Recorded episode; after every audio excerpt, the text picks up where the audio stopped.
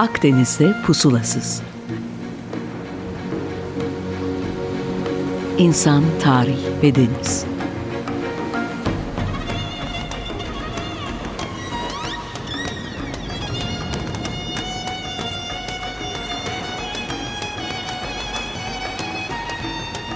Hazırlayan ve sunan Sidar Duman. 95.0 Açık Radyo'dan herkese selam. Ben Sidar Duman. Akdeniz'de Pusulasız programıyla bu sılada karşınızdayım saatler 14'ü gösterirken.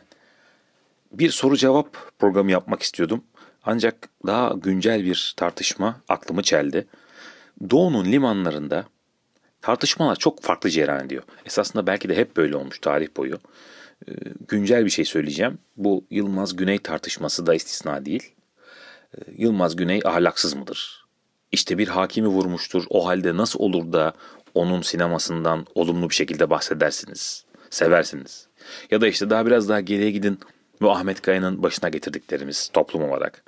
Tabii Akdeniz'de pusulasızda bu saydığım olayların e, detayları bizi ilgilendirmiyor. Ama felsefi olarak bu olaylara bakabiliriz diye düşünüyorum. Mesela niçin Doğu toplumlarında pusu geleneği hakim de duello yok? Ee, yani bir kitlenin arkasına sığınıp işte vurun kahpeye diye özetleyeceğimiz bir linç kültürü nasıl oluşmuş? Ne zamandan beri var? Tarafkirlik e, toplumsal işte onay almış bir kitlenin parçası olmak, onun sözcüsü gibi konuşmak ve bunun getirdiği rahatlıklar, büyük bir konfor alanı. Ama tabii bu, tüm bunlar da sağlıklı düşünmeyi de çürütüyor diye düşünüyorum. Yani sağlıklı derken doğru demek de istemiyorum altını çizeyim. Düşüncelerin bize ait olanlarını kastediyorum. Şimdi içinde bulunduğun toplumun, sınıfın, ailenin değer yargıları var tabii ki var. E, muhtemelen de mağara zamanından beri var.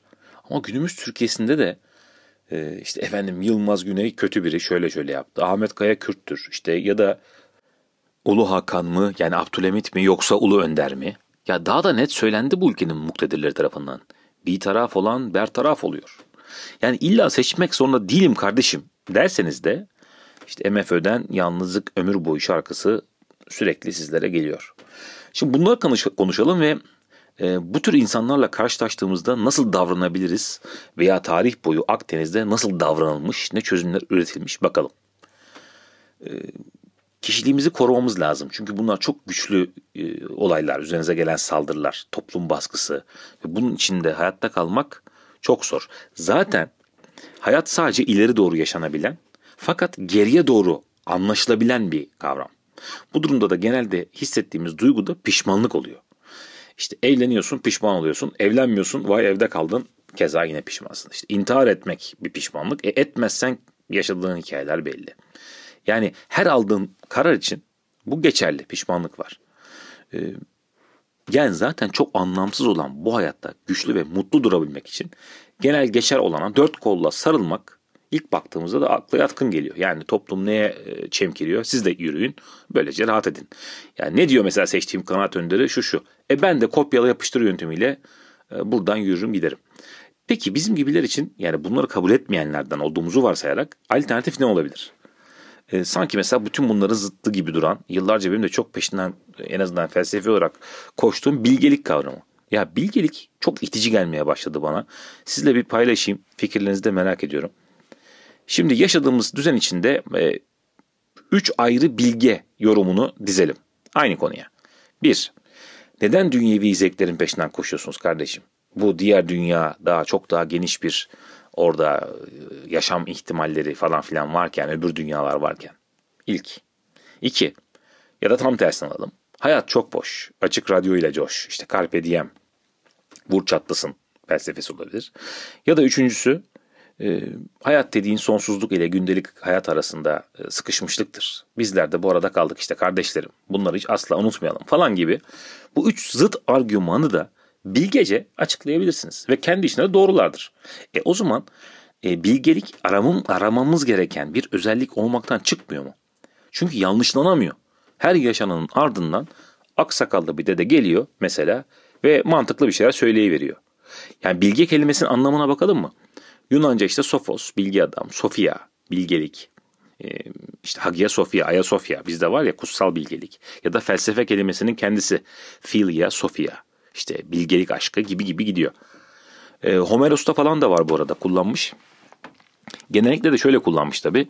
Bu mesleğinde veya zanaatında uzman olan kişiler anlamına geliyor diyor. İşte at arabasını yapana, heykeltıraşa veya işte askeri uzmanlara bunlara sofoi denmiş. Böyle hitap etmişler. E, ama tabii kelime anlamı yavaş yavaş bugün anladığımız o bilgeliğe evrilmiş. Bu yedi Yunan bilgeleri var. Thales var tanıdığımız. Solon mu vardı? Onlar var. E, bunlar şey Herodot'ta falan da geçmiş.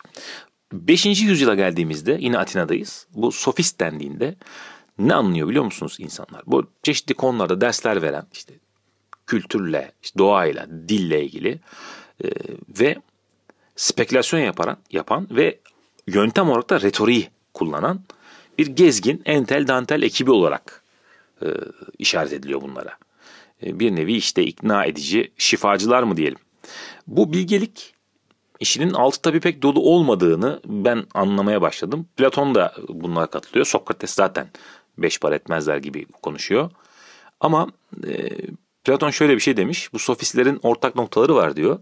İşte bildiklerini iddia ettikleri e, ne olursa olsun her yöntemi kullanırlar, dinleyiciyi etkilerler ve sonunda da ikna ederler gibi böyle bir şeye söylemiş. Zaten bu bilgeler de sonunda artık iyice gemi azıya alıyor ve diyor ki tüm sorularınıza cevap verebiliriz kardeşim diyorlar. Bakar mısınız? Yani demin dedik ya bilgece tırnak içinde bilgece yaklaştığınızda her soruya bir cevabınız var. Peki ne yapalım? Şimdi bilgeliğe de bir kulp taktık. Zaten toplumun işte genelinin dayatmalarına da hayır demiştik. Ama başımıza bir şey geldiğinde içimizi sarıp işte bize hükmeten bu neden ben, neden benim başıma geldi sorusunun cevabı hala yok. Nasıl çıkabiliriz bu paradokstan? Düşünelim biraz daha. Ee, şimdi anlamı olan bir hayat yaşamıyoruz dedik. Neden burada olduğumuzu da bilmiyoruz dedik. Anlam katmak için yani bu anlam aray- arayışı için bir takım önermeler getirebiliriz. Yani tabii onları da çürütürüz bence de.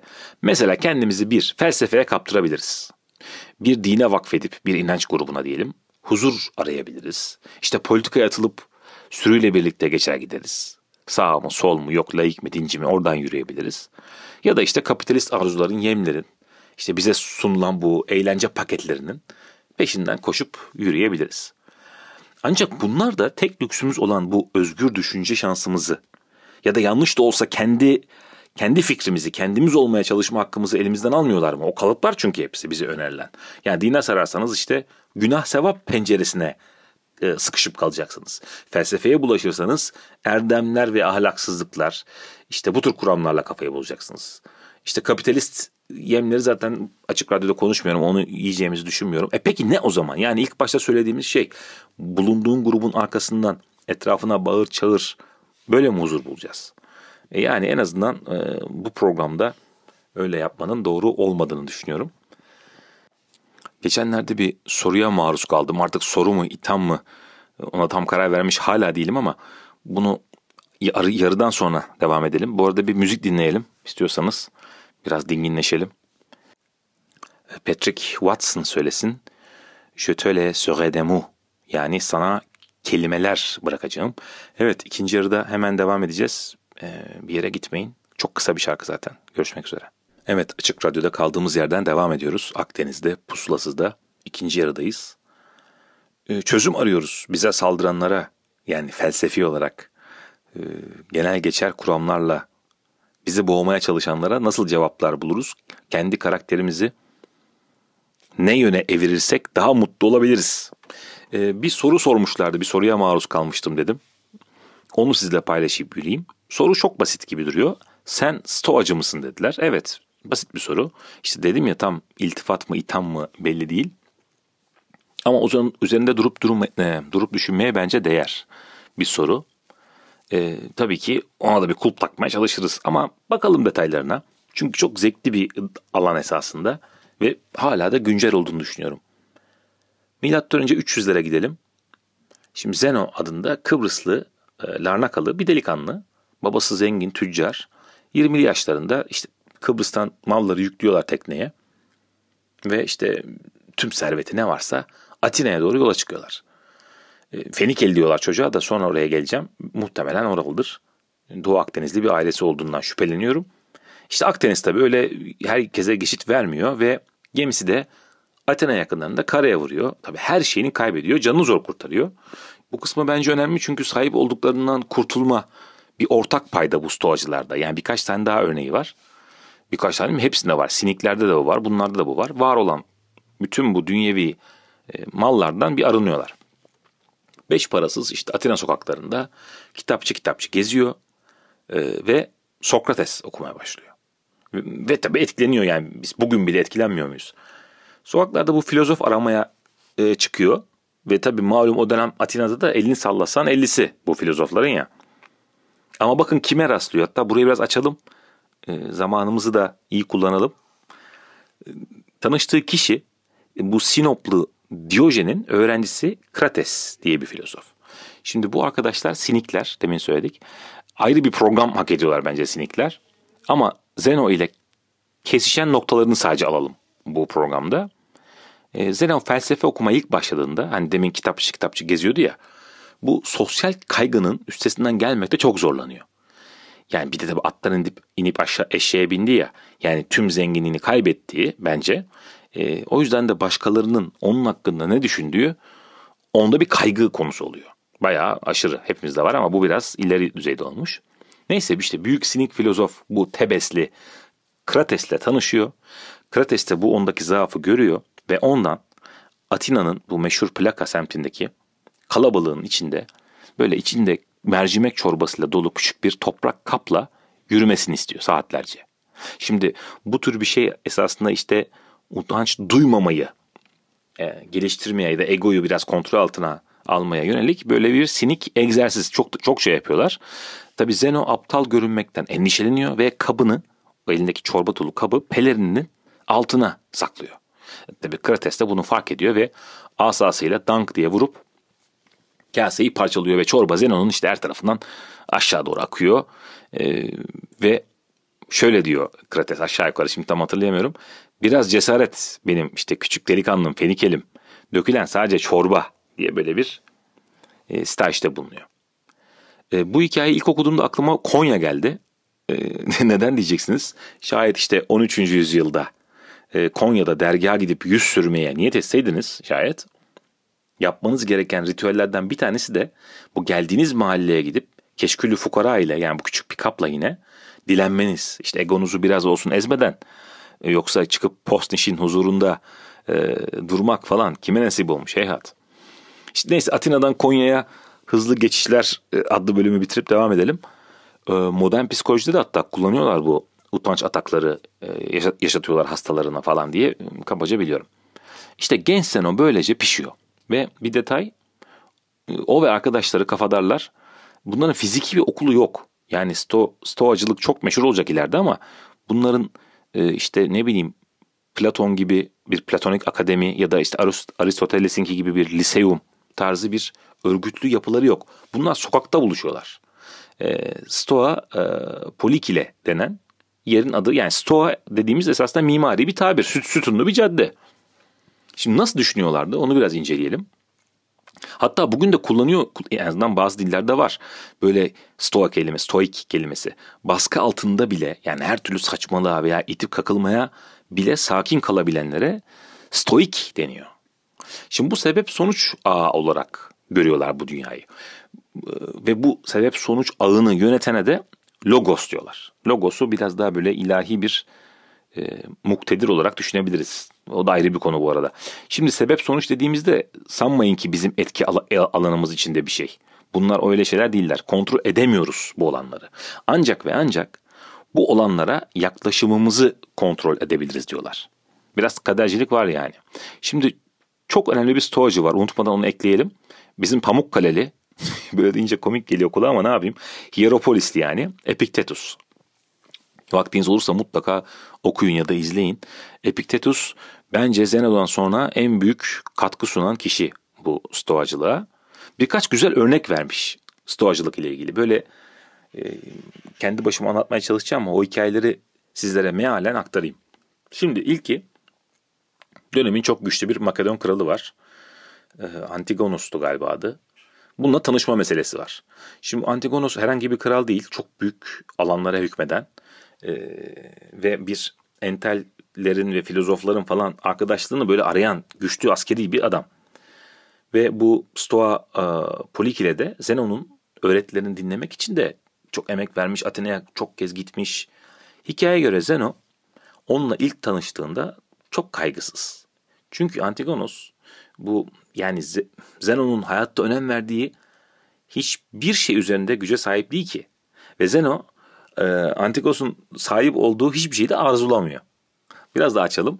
E, şimdi Antigonos hatta kral yani bu Zeno ile tanışma konusunda daha endişeli. Çünkü filozof üzerinde iyi bir izlenim bırakmak istiyor. Ancak tabii bu isteği doğrudan kendi kontrol dışında. Yani aman filozof beni beğensin. E, bu seninle alakalı bir şey değil ki.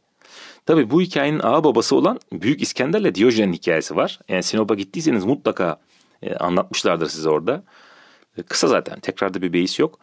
E, İskender bir gün böyle büyük hayranlık du- duyduğu bu sinik e, felsefenin babası Diyojen'i ziyarete gidiyor ve onda diyor ki dile benden ne dilersen.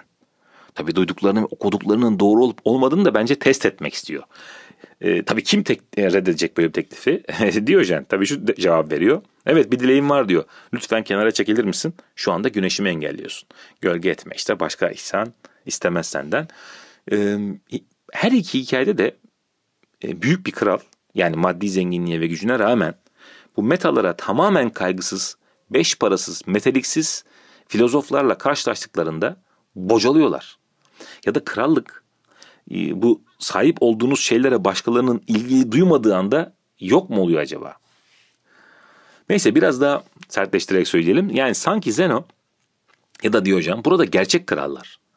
E, çünkü onların tamamen kendi kontrolü altında olan erdemlerden ve özgür düşünceden e, başka bir şeye prim verdikleri yok. Oysa Antigonos kendi kontrolü altında olmayan bu dışsal diyelim şeylerin kralı. Ve pek çok insan gibi de o tutkularının da esiriydi. Şimdi buradan da filozof krala gitmiş Atinalılar. Yani demokrasi kötüdür, ayaklar falan baş olabiliyor. O yüzden ya filozoflar kral olmalı ya da krallar filozof olmalı diye bir önerme geliyor. Bilmem ne dersiniz çok güzel değil mi geliyor kulağa. Tabii bunun bir örneği de var e, esasında şimdi düşünelim. Roma'da olmuş e, Marcus Aurelius. Pax Romana'da yani Roma barışı zamanında esasında bakın o gün bilinebilen tüm dünyanın hakimi Marcus Aurelius ve bu stoik felsefeye sahip olduğu için de inanılmaz mütevazi bir hayat yaşıyor. Çok e, güzel fikirleri var. Bir diğer örnek vereceğim demiştim Pamukkale, Pamukkale'li kardeşimiz Epiktetus'tan. Şimdi diyor ki bir piyanist düşünün. Evinde çalıyor tüm parçaları çok iyi. Çok da yetenekli. Ama kendi elinde olmayan bir noktaya koymuş işte mutluluk çıtasını. Alkışa ve toplumsal onaya. Neyse ve o gün geliyor sahneye çık çıkıyor. Tabii tek istediği beğenilmek.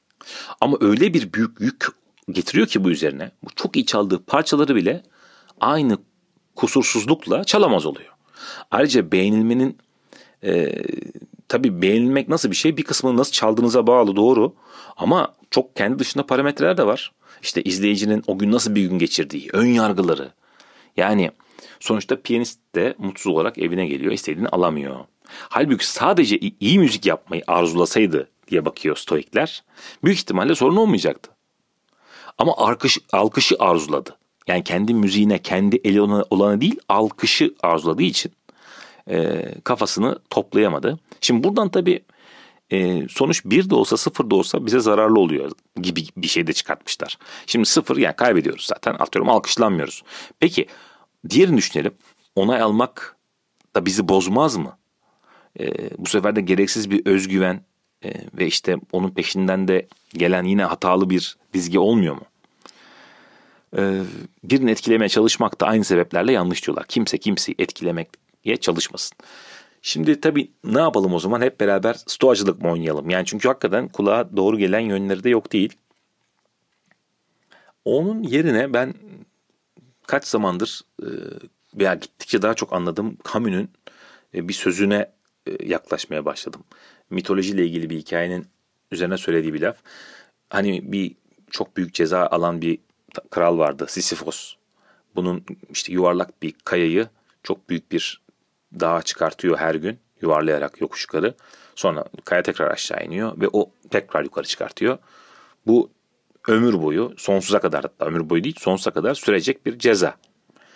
E, fakat kamuya göre Sisyphos ne yaptığını bildiği için bir amacı olduğu için e, şöyle demiş Sisyphos'u mutlu olarak hayal etmeliyiz.